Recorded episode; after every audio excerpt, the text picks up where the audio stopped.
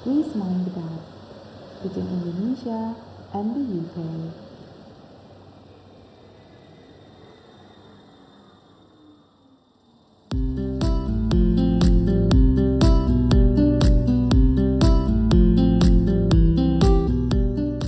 Mind the Gap is a student podcast hosted by students to bring you mindful day-to-day conversation from Indonesian students in the UK. My name is Beth, postgraduate student at Imperial College London. And my name is Angel, postgraduate student at University College London. And our writer Tamara.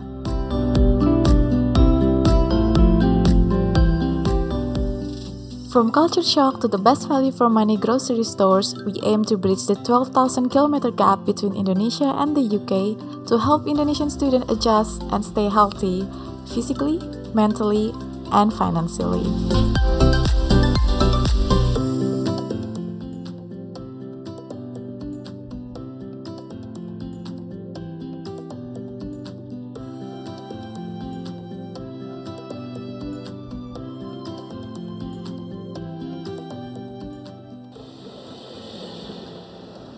Please mind the gap between Indonesia and the UK.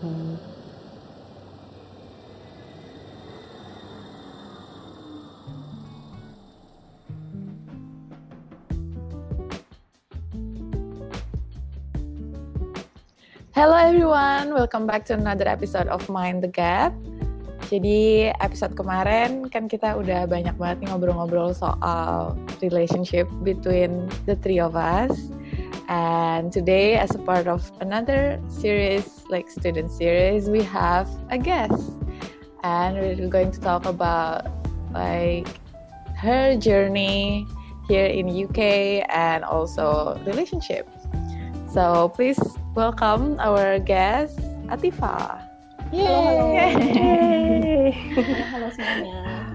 Thank you so much for being here. Ya, you're welcome. I'm happy to be here. Boleh kenalan dulu kali ya. Uh, bisa cerita tentang Mbak Tifa ini kuliah di mana, terus sekarang ada di mana, dan sebagainya. Halo, halo semuanya. Jadi namaku Atifa Sri Ismiranti, tapi biasa dipanggil Tifa aja untuk simpelnya. Uh, aku saat ini kuliah master di Master uh, of Architecture jurusannya MArch Design for Performance and Interaction di UCL University College London. Jadi bareng nih sama Mbak Angel cuma beda kampus.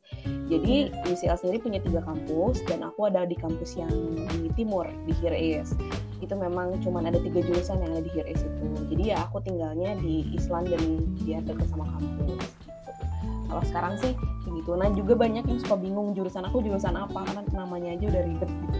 Uh, jurusan aku itu uh, campuran antara uh, build environment dan artificial intelligence. Jadi kita nyampurin antara teknologi dan juga desain dan bangunan gitu. So what are the kind of things that you learn in your degree? Uh, belajar belajar apa macam-macam sih. uh, tapi intinya outputnya kan kita uh, akan mendesain sesuatu yang interaktif, uh, otomatis atau uh, juga untuk performance gitu. Jadi kita belajar uh, teknologi teknologi uh, mulai dari software software terkait sama animasi, terkait sama coding dan juga uh, untuk hardwarenya kayak so far sih aku udah belajar Arduino, dia memang robotics gitu. Tapi kita juga nyambungin ke sound segala macam dan jurusan. Jadi kita dibagi lagi jadi pathway, research pathway karena udah mau masuk tesis kan. Nah, jadi di fokus research pathway-nya ada tiga, ada yang robotics, ada yang lebih ke arah yang kedua itu ke arah spatial uh, spasial uh, dan uh, body movement dan environment uh, dan yang ketiga lebih ke sound dan uh, spasial gitu jadi space and sound dan aku lebih ke yang sound and space jadi menyatukan antara suara dan uh, ruang gerak manusia. Hmm. Kenapa kok mau uh, belajar di UK dan spesifiknya juga di UCL?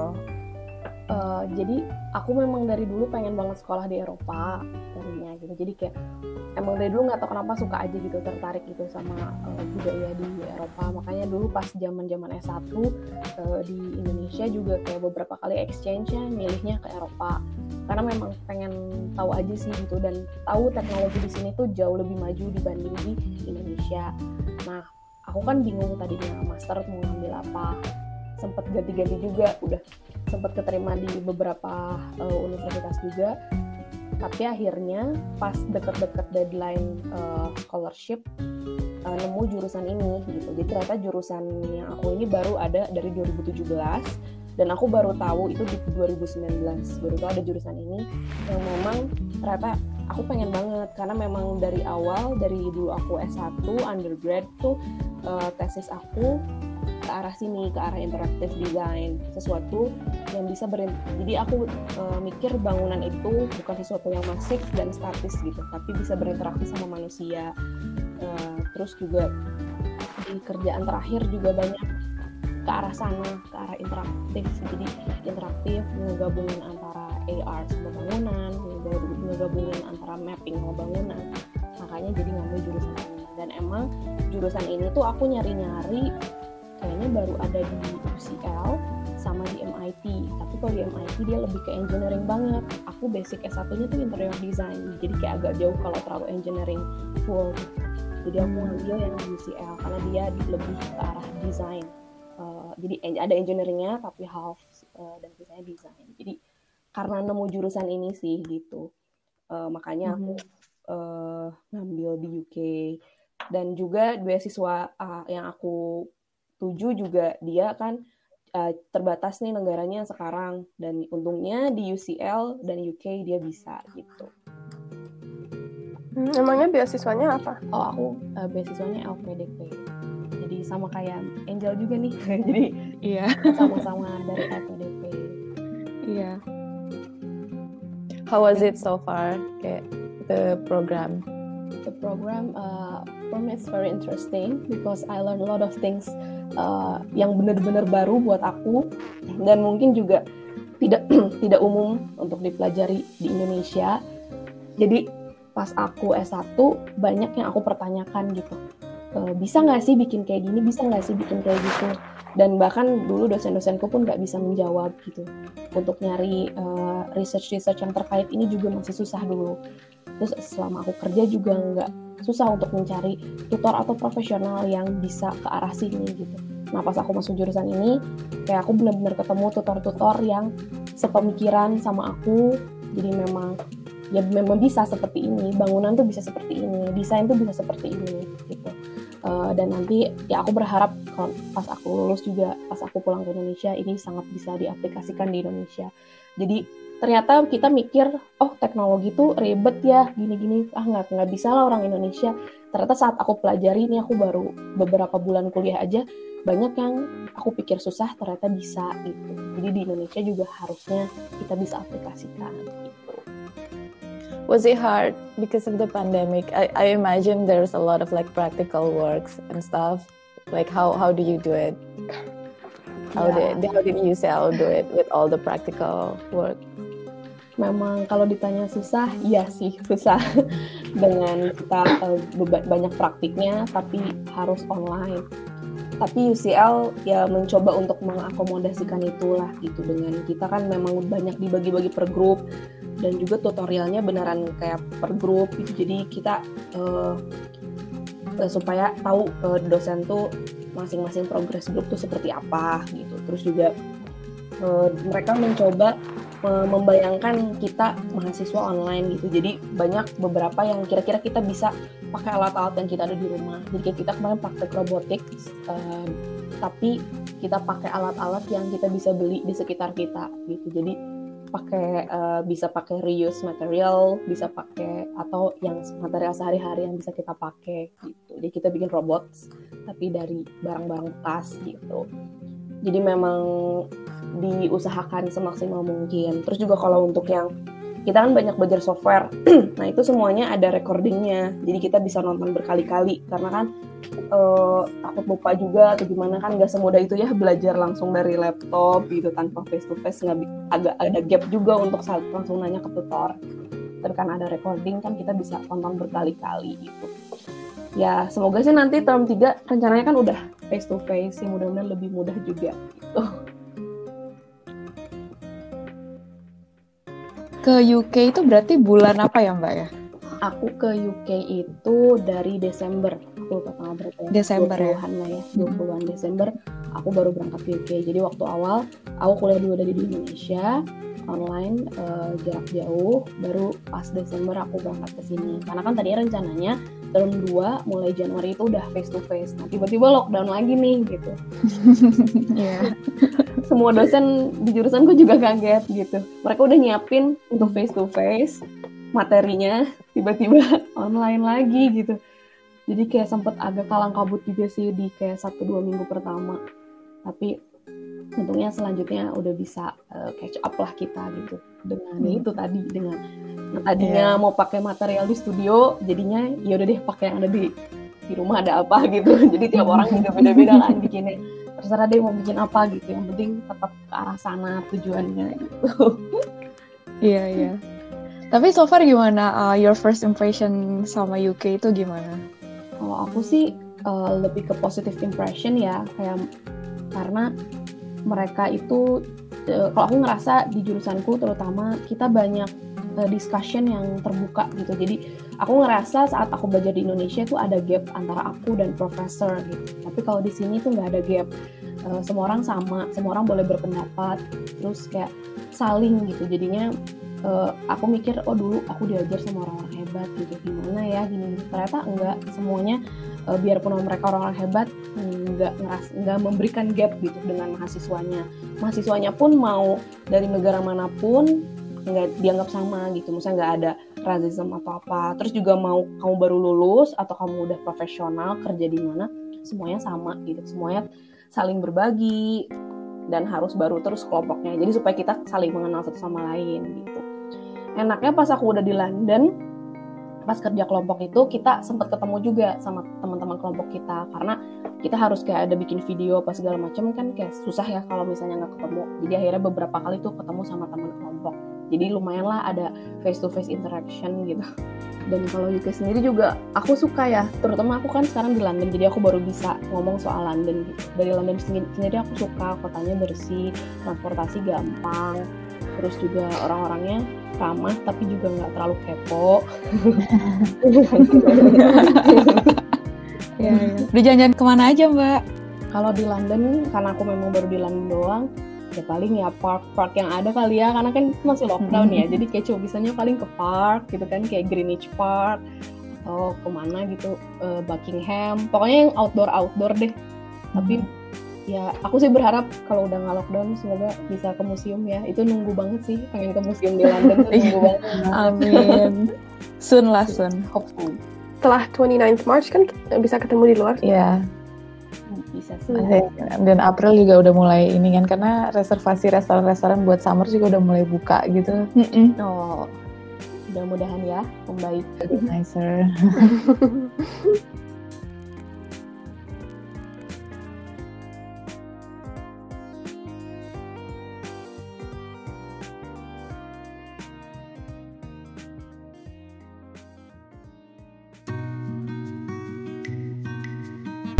So, tadi kita udah bahas banyak banget tentang introduction dari Mbak Tifa ya, dari kuliahnya di mana, kuliah seperti apa, first impression di UK seperti apa. Sekarang kita mau lanjut ke pembahasan utama di episode kali ini nih. Katanya, dengar-dengar Mbak Tifa udah married. iya betul Like, do you mind telling us a bit more about that? Like, kapan, sejak kapan, atau apakah meritnya pas di Indo atau di sini, and where is he right now? Eh, jadi aku sama suamiku tuh nikah saat aku sudah kuliah awal-awal aku kuliah. Jadi aku kan kuliah dari 28 September 2020 dan aku sama suamiku itu nikah di 17 Oktober 2020 jadi waktu di Indonesia karena kan aku online dulu tuh dari Indonesia sampai Desember eh, nikahnya gimana. Jadi sebenarnya bisa dibilang eh, tidak direncanakan sebelumnya akan nikah 2020. Jadi awalnya aku sama dia memang udah serius mau nikah, cuman karena dia juga tahu aku mau keluar negeri, eh, jadi kita rencananya habis aku lulus baru nikah gitu tadinya awal rencananya.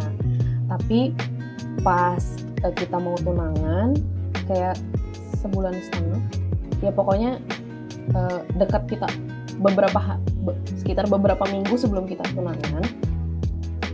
Eh, jadi kalau di aku tuh ada budaya harus nanya ke kakek gitu kan, nanya ke tetua gitu, eh, baiknya tanggal berapa nanti pernikahannya, baiknya kapan, baiknya gimana gitu. Kakek kakek aku tiba-tiba ngasih tanggal tanggal baiknya tuh di deket-deket gitu. Jadi kan waktu aku nanya tuh 31 Juli. Eh, aku nanya dari bulan Juli, ketemu kakek 31 Juli.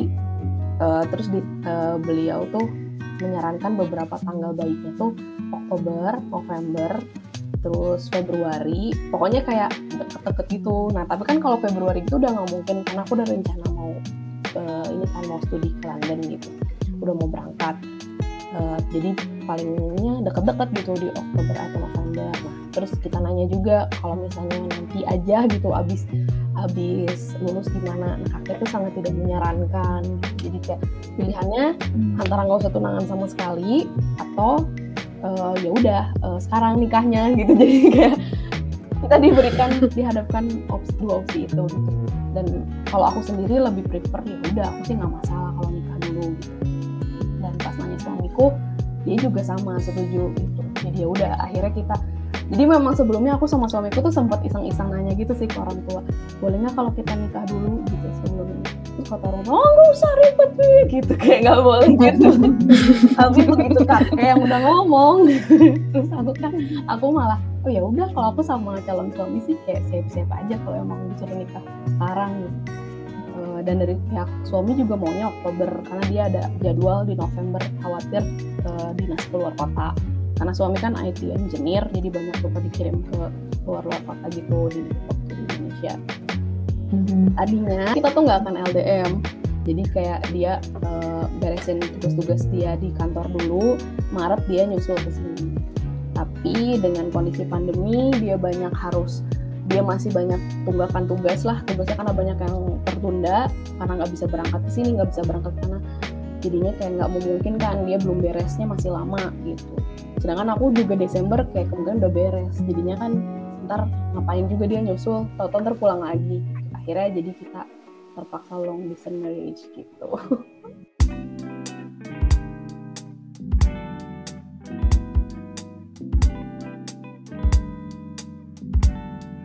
Tapi dia sekarang nggak ada rencana datang ke UK Uh, juga. dia ada rencana sih untuk kayak liburan doang paling satu bulan rencananya summer nanti mudah-mudahan dengan kondisi juga udah membaik ya Summer nanti. Amin. dia paling paling sebulan udah izin sih ke kantornya dan boleh Kalau pada saat awal lagi rencanain nikah dan tahu bahkan nantinya bakal long distance marriage, would you still get married at that time?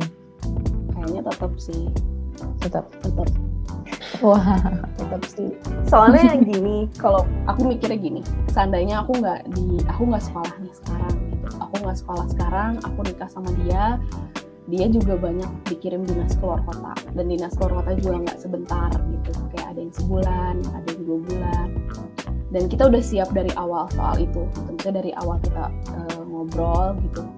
Ya aku menikahi dia eh, aku siap dengan konsekuensi itu kalau memungkinkan aku ikut dia dinas ya tapi kan nggak selalu ya. Apalagi kalau misalnya nanti one day gitu kita udah dikasih anak atau gimana aku juga pasti nggak akan bisa ikut terus sama dia. Jadi kita udah ada udah ada sih mm, kita udah siap dengan komitmen itu konsekuensi itu. Kalau kita menikah ada kemungkinan beberapa kali long distance marriage gitu. Jadi sudah berusaha menyiapkan diri soal itu. Wow. Back then, how did you know that he's the one gitu? Sebelum nikah. gimana ya Eh, mungkin kalau aku sendiri kalau cuma patokannya aku doang uh, gampang kan sebenarnya jadi kayak patokannya ya ya udah cocok dari dari mulai ngobrol apa segala macam dari fase berpikir fase uh, kehidupan apa segala macam sama lah gitu cenderung sejalan uh, prinsip hidup dan goals kehidupan juga kurang lebih sama gitu. Dari segi agama apa segala macam juga sama dan sejalan.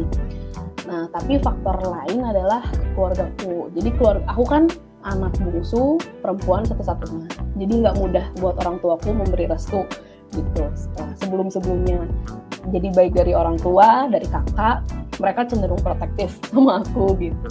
Nah si suamiku ini sangat mudah banget gitu sangat mudah banget di welcomein sama keluarga aku. Jadi dari mulai ngobrol, dari mulai apa diterima banget lah sama keluarga aku. Jadi itu juga salah satu hint buat aku uh, oh dia orang yang cocok gitu orang yang cocok sama keluarga aku. Terus juga selain itu ternyata saat kita saling mengenal tambah dalam juga uh, keluarga dia tuh sangat bersinggungan banget sama keluarga aku jadi banyak deh uh, relasi di dalam keluarga dia relasi keluarga aku. Jadi kayak emang apa apa tuh jalannya gampang. Jadi mau ketemu ini kenal mau ini kenal. Terus mau pas persiapan mau lamaran mau nikah juga semuanya sangat dipermudah. Biarpun kita benar disebut dadakan kayak persiapannya kurang dari dua bulan tapi semuanya dipermudah gitu. Jadi aku merasa itu juga hint oke okay, he's the one gitu ya semesta ya. mendukung gitu ya jadi kalau misalnya proses mencari seseorang terus kok kayaknya serba susah nah itu per perlu dipertanyakan sih bisa jadi uh, maybe he or she is not the right one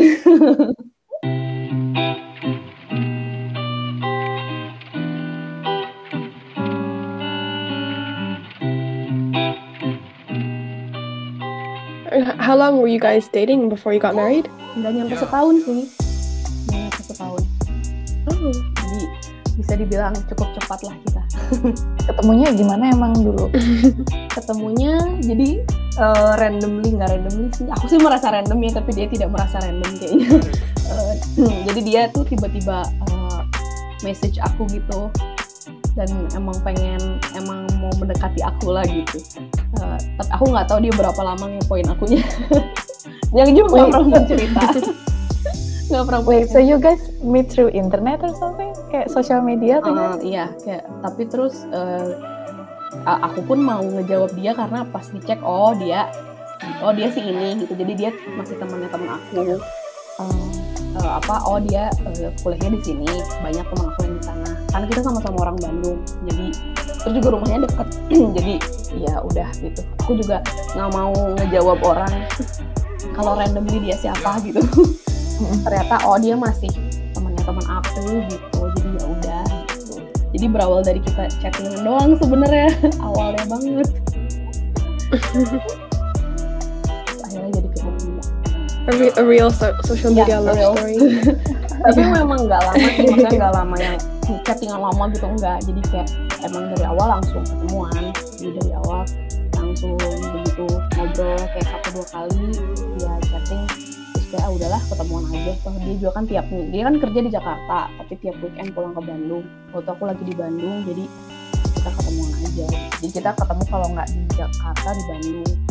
Emang nggak mau lama-lama kalau ketemu di sosmed lama-lama mah siapa gitu? Jadi jadi dia yang slide into your DMs yeah. first gitu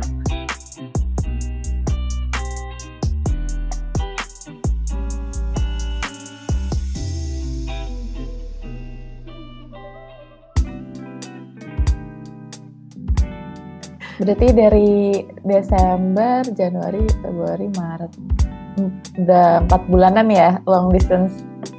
Uh, how, how was it? Kayaknya tiga bulan ya, kan aku dari tiga bulan Desember. Uh, ya, sekarang akhir Maret. Tiga bulan. Mm-hmm. Ya berat ya. Gimana? Maksudnya apalagi ada kayak suka dukanya uh, ya semua orang juga pasti sangat mempertanyakan banget ya. Kalau LDR mungkin katanya masih bisa gitu ya, tapi kalau udah married terus uh, eh, LDM tuh katanya berat banget. Emangnya sih berat. kalau ditanya berat ya berat gitu. Biasa selalu ada gitu di satu kamar yang sama gitu kan, ketemu dia lagi dia lagi ini nggak ada gitu. Lagi waktu awal pindah ke sini. beratnya karena ya itu biasa ada terus gitu sampai bosen gitu biasa ada terus ini nggak ada gitu tiba-tiba nggak ada gitu berat tapi ya masih bisa dijalani lah dengan cara komunikasi. Jadi kayak kalau aku sih beneran video call terus sama dia gitu. Kadang aku aktivitas apa dia aktivitas apa juga kita tetap nyalain video callnya. Dia terkesan dia ada gitu. Padahal nah, kita sama-sama Hmm. sibuk masing-masing Tapi emang kita udah ada jadwal teleponan juga. Karena kan Indonesia sama eh, sama UK beda 7 jam ya. Jadi kayak dia bangun subuh eh, aku di sini mau tidur. Jadi kayak emang selalu nelfon di jadwal itu sama juga pas aku bangun subuh dia lagi makan siang.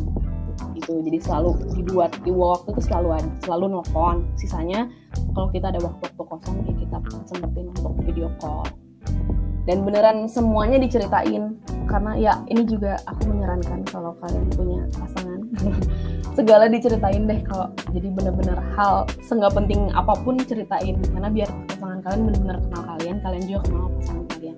Seenggak penting kayak aku tadi malam mimpi ini. Gitu itu tuh diceritain gitu. Oh kalau mimpi itu penting loh. terus kayak aku tadi terus bahkan kayak kalau beli apa gitu kayak aku beli ini se- cuma beli permen doang aja tuh diceritain gitu. Kayak semua eh, semua hal yang dia beli semua hal yang aku beli juga aku ceritain jadi kita sama-sama tahu. Jadi saat eh, kita ada sakit atau apa juga kita tahu gitu symptomsnya karena udah tahu nih dia habis ngapain makanya bisa begini gitu Hmm, kalau kalau aku sih udah kayak lockdown sama my boyfriend udah hampir 9 bulan gitu so like I think we know a bit too much about each other now.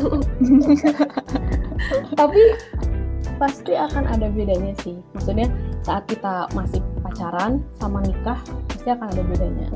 Karena mungkin tetap ada gap ya aku ngerasa mungkin setiap orang beda tapi aku yakin sih sebeda-bedanya orang pasti kalau masih pacaran pasti masih ada gap Uh, masih ada gap kayak mungkin dari keuangan misalnya atau apa gitu. Tapi kalau di pernikahan aku sangat menyarankan bener-bener nggak ada rahasia deh antar pasangan. Bahkan dia kerjaan apa pun harus tahu gitu. Ya supaya pahit-pahitnya kita nggak tiba-tiba suami kita korupsi kita nggak tahu gitu. Jangan sampai kayak gitu ya. Gitu. Bahkan kayak nominal rekening juga saling tahu aja gitu. Jadi biar biar tahu gitu terus harus tahu juga eh, pasangan kita punya utang nggak pasangan kita punya eh, apa nggak tabungan apa nggak atau pasangan kita punya asuransi apa itu saling tahu supaya bisa saling membackup juga gitu. Kalau memang pasangannya benar sih harusnya saling membackup ya, bukan saling menjatuhkan. bukan dia punya uang banyak jadi pengen minta nggak gitu. minta, Minta jajan jajan. jadi ngerampok. Dan ini penting diketahuinya tuh sebelum nikah Ya, gitu kan ya baiknya ya? udah kalau kalian sudah em, apa em, persiapan mau nikah dibicarakanlah segala hal segala sesuatunya. Mulai dari nanti kalau nikah pembagian uang gimana? Nanti eh, uang bulanan seperti apa? Nanti jadwal pembagian tugas di rumah seperti apa? Nanti kalau rencana punya anak atau tidak kalau punya anak nanti rencananya mau didiknya gimana nanti itu semua benar-benar dibicarain sih aku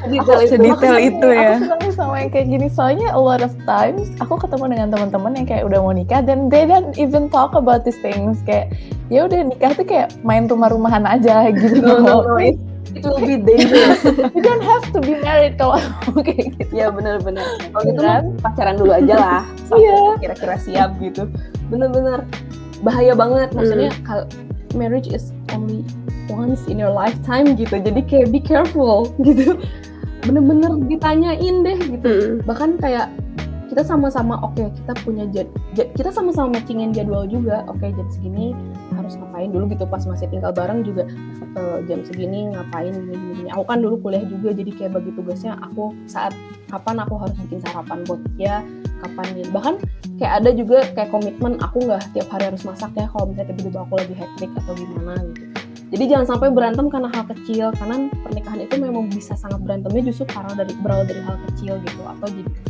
jadi gitu sih bener-bener semua hal deh ditanyain kalau kalian udah proses mau nikah ya. Kayak biar nggak kalian terjerumus ke orang yang salah. Bahaya gitu ya. Dan tanya juga soal keluarganya. Keluarganya expect apa gitu dari kita uh, ada syarat apa dia bagaimana aku gimana gitu jadi supaya sama-sama aman bah jadi aku sih ngerasa sekarang komunikasi sama keluarganya nyaman gitu dia juga komunikasi sama keluarga aku nyaman karena kita sama-sama udah tahu oh keluarga aku begini expectnya begini keluargamu begini expectnya begini gitu. Yeah. Hmm, jadi jadi you recommend kayak just complete Yes. transparency Yes. for Yes. everything lah gitu. Aku dan suamiku sama-sama introvert yang susah terbuka buat orang, tapi untuk pasangan sendiri kita bener-bener kayak ember bocor deh pokoknya. kan kalau dari kita bertiga nih uh, maksudnya kayak aku sama Angel we have like right now we are doing long distance relationship but we're not married.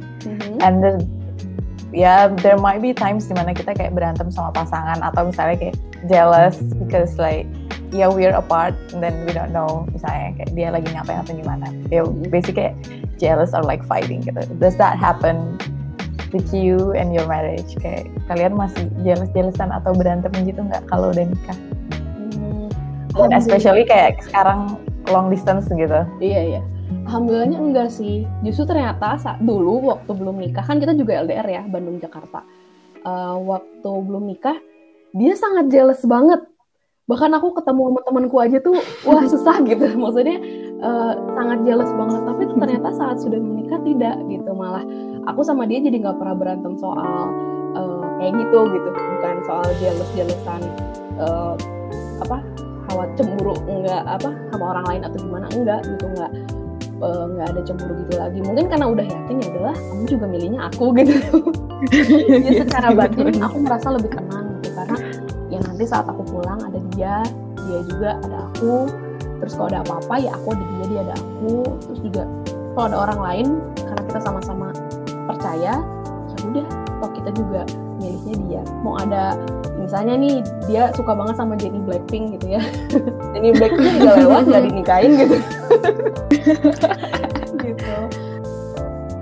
Aku merasa dengan sudah menikah malah lebih secure karena ya udah nggak main lah gitu jelas-jelasannya gitu atau juga nggak eh, ya sok aja mau gitu nikah sama dia gitu kan loh gitu kan. Aku aja sekarang cerita gitu ke, ke kayak kalau dulu aku kalau cerita misalnya ih artis ini ganteng mau kamu mau dia gitu berantem gitu saya jalan kalau sekarang aku cerita "Ih, dia ganteng tau ini lihat ah kamu juga nggak mau kan nikah sama dia? Nggak nggak mau. Udah udah nggak jelas gitu. Jadi eh, mungkin Angel sama eh, Beth eh, LDR karena belum secure nih. Aduh dia ada yang lebih bagus nggak ya Hmm, Kalau aku sih kayak like I know it's secure tapi aku masih juga kayak petty gitu loh. Kayak oh misalnya dia lihat cewek lain kayak apa kayak like what what what does she Iya, have? that I iya, don't iya, gitu. bukan sih nggak nggak secure cuma kayak petty aja. Kalian nih juga ini nggak sih? Kalian gimana? Kebalik lagi kalau ketemu sama cowok ganteng dan lebih dari pasangan kalian terus gimana kalian? Apakah tergoda? Tidak. Kalau anu sih iya ya. Kalau misalnya aku belum nikah iya. Jadi kayak dia ini wah oh, gitu I think Ya. depends kali ya. Maksudnya kayak ya mungkin memang lebih tapi Iya. cocok atau enggaknya kan belum tahu gitu. bener sih itu kalau Gitu sih. ya kalau buat aku kayak um, depends on the prospect maksudnya gimana ya kayak ya kalau uh, dia lebih cocok atau misalnya aku ngerasa lebih nyaman sama yang ini dan mungkin merasa dia bisa lebih ada karena aku ada di sini dan yang kayak yang sekarang ada di jauh di sana probably yes but then kayak the history and the struggle that I've been through with my boyfriend right now that definitely will makes me take like a second look. Maksudnya kayak yang mikir-mikir dulu gitu loh jadinya because we've come so far. Ini kayak kalau kalau misalnya semua benefit yang baru ini bisa ngalahin semua struggle dan dan everything that we've we've overcome so far then maybe yes. Tapi kalau misalnya benefitnya cuman yang gitu-gitu doang kayak hmm, probably will a lot more aku sih kalau misalnya kan kayak like I think kayak quite a lot of like British boys are quite like quite fine as well. Tapi kan itu semua kayak Yeah. cuma cuci mata gitu loh kan cuma admire from a distance gitu. So, but like when you have like all your history with your partner and everything, kayak nggak ada yang bisa ngalahin lah. Like like what you said bah. Tapi it's just like it doesn't hurt to look, you know, just kind of like oh dia ganteng juga ya, and then but just like that. That's that's all it is, you know. Tapi tetap lah ya ada baper-bapernya dikit kan kalau tiba-tiba ada cowok ganteng baik ya baper dikit cuman nggak nggak sampai akan memilih dia gitu cuman baper-baper dikit ada gitu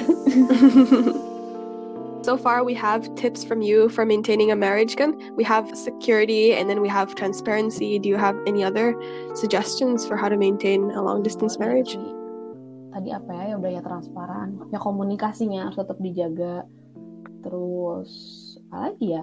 Kayaknya cuma itu ya. Eh, karena bisa dibilang aku juga kan meritnya baru ya gitu. Baru berapa bulan belum nyampe satu tahun juga belum gitu. Eh, tapi kalau aku dengar teman-temanku juga yang long distance marriage dan ada yang udah lebih lama juga sama sih intinya komunikasi sih. Udah itu faktor utama itu faktor utama. Kalau kalian udah komunikasinya udah baik ke depannya juga mudah-mudahan baik. Ya sama itu sih benar saling percaya gitu. Kayak tadi yang uh, Beth udah ngomongin ya pikirin lagi gitu. Kalau misalnya ya kalau kita nggak suka sama pasangan kita coba pikirin lagi kebaikannya dia eh, sebanyak apa atau apa yang udah kalian lalui bersama gitu. Ya nanti juga aku juga ngerasa gitu sih maksudnya saat aku sudah menikah pun ada masa-masa yang aku bener-bener kesel gitu sama suamiku ada gitu. Tapi terus balik lagi ya baiknya dia jauh lebih banyak gitu. setiap kita kesel aku juga diingetin tuh sama papaku sebelum nikah. Tiap kamu kesel sama pasangan tiap kamu benci banget sama dia inget yang bagus-bagusnya. Ingetin lah inget lagi. Inget aja masa-masa bagusnya nanti kamu akan balik lagi. Jadi kayak eh, jadi jangan sampai emosi kalian emosi sesaat malah jadi eh, bikin keadaan makin parah. Kalau kalian mencoba menenangkan diri ingat lagi soal kejadian-kejadian baik apa sih yang dia kasih ke kita kok ternyata lebih banyak? Ya udah jadi lupa si keselnya Wow, sebuah advice dari yang sudah berpengalaman. I feel like maksudnya kan Atifa kan seumuran sama aku ya, but you're a lot more mature than I am. atau karena udah nikah ya jadi kayak udah suddenly Suddenly mature. Okay, I think we're nearing the end of our episode today, and for this series, um, we like to end with something called the final five. Ini kayak rapid fire questions gitu. Jadi ntar Atifa kita akan tanya lima pertanyaan terakhir, and you have to answer in one word or one sentence maximum. Yap. Sebenarnya sih nggak apa-apa sih kalau saya mau dielaborate, tapi just for fun, we like to emphasize that you have to answer in one word or one sentence maximum. Are you ready? Yeah, and quite quickly. we fail. We a total failure at rapid fire last episode. So it's fine. No pressure. okay okay just for fun Okay, these are your final five. What makes you feel the most uh, love? pas dia nemenin terus Hmm. Lanjut ya, pertanyaan berikutnya ya. What was your first impression of him, your husband? cute. Berarti ini setelah DM-an kan ya, ketemu terus ternyata dia cute gitu ya. Okay. Uh, what do you think is the most important thing in a relationship? Nice. What's one thing that makes you miss your partner the most? our talk at night Pillow talk ya? ya pillow talk Oke, ini last question ya. What's the best advice you've ever received or read or heard? itu tadi yang aku sebutin kalau sebel sama pasangan ingetin lagi yang baik-baik supaya kalian kembali lagi gitu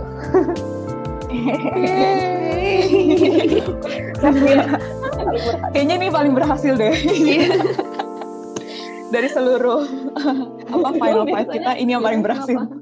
Pasti biasanya jedanya lama. Iya, kalau enggak, and then we talk so gitu. much. Kayak kita cerita dari jawaban pendek itu, ada kayak Iya. the whole story behind it. And then it I'm becomes so not sure with my answer it. gitu ya kalau sekarang Okay, thanks for listening to our uh, episode. I hope you guys could take home like something useful from this episode about like uh, marriage or rela- relationship in general. And thank you, thank you for being here, Atifa. Thank you so much for being inside. The wise words. And if you like our podcast, be sure to subscribe to Rapid PPI if you haven't done so already. We will see you on the next episode. Bye. Bye.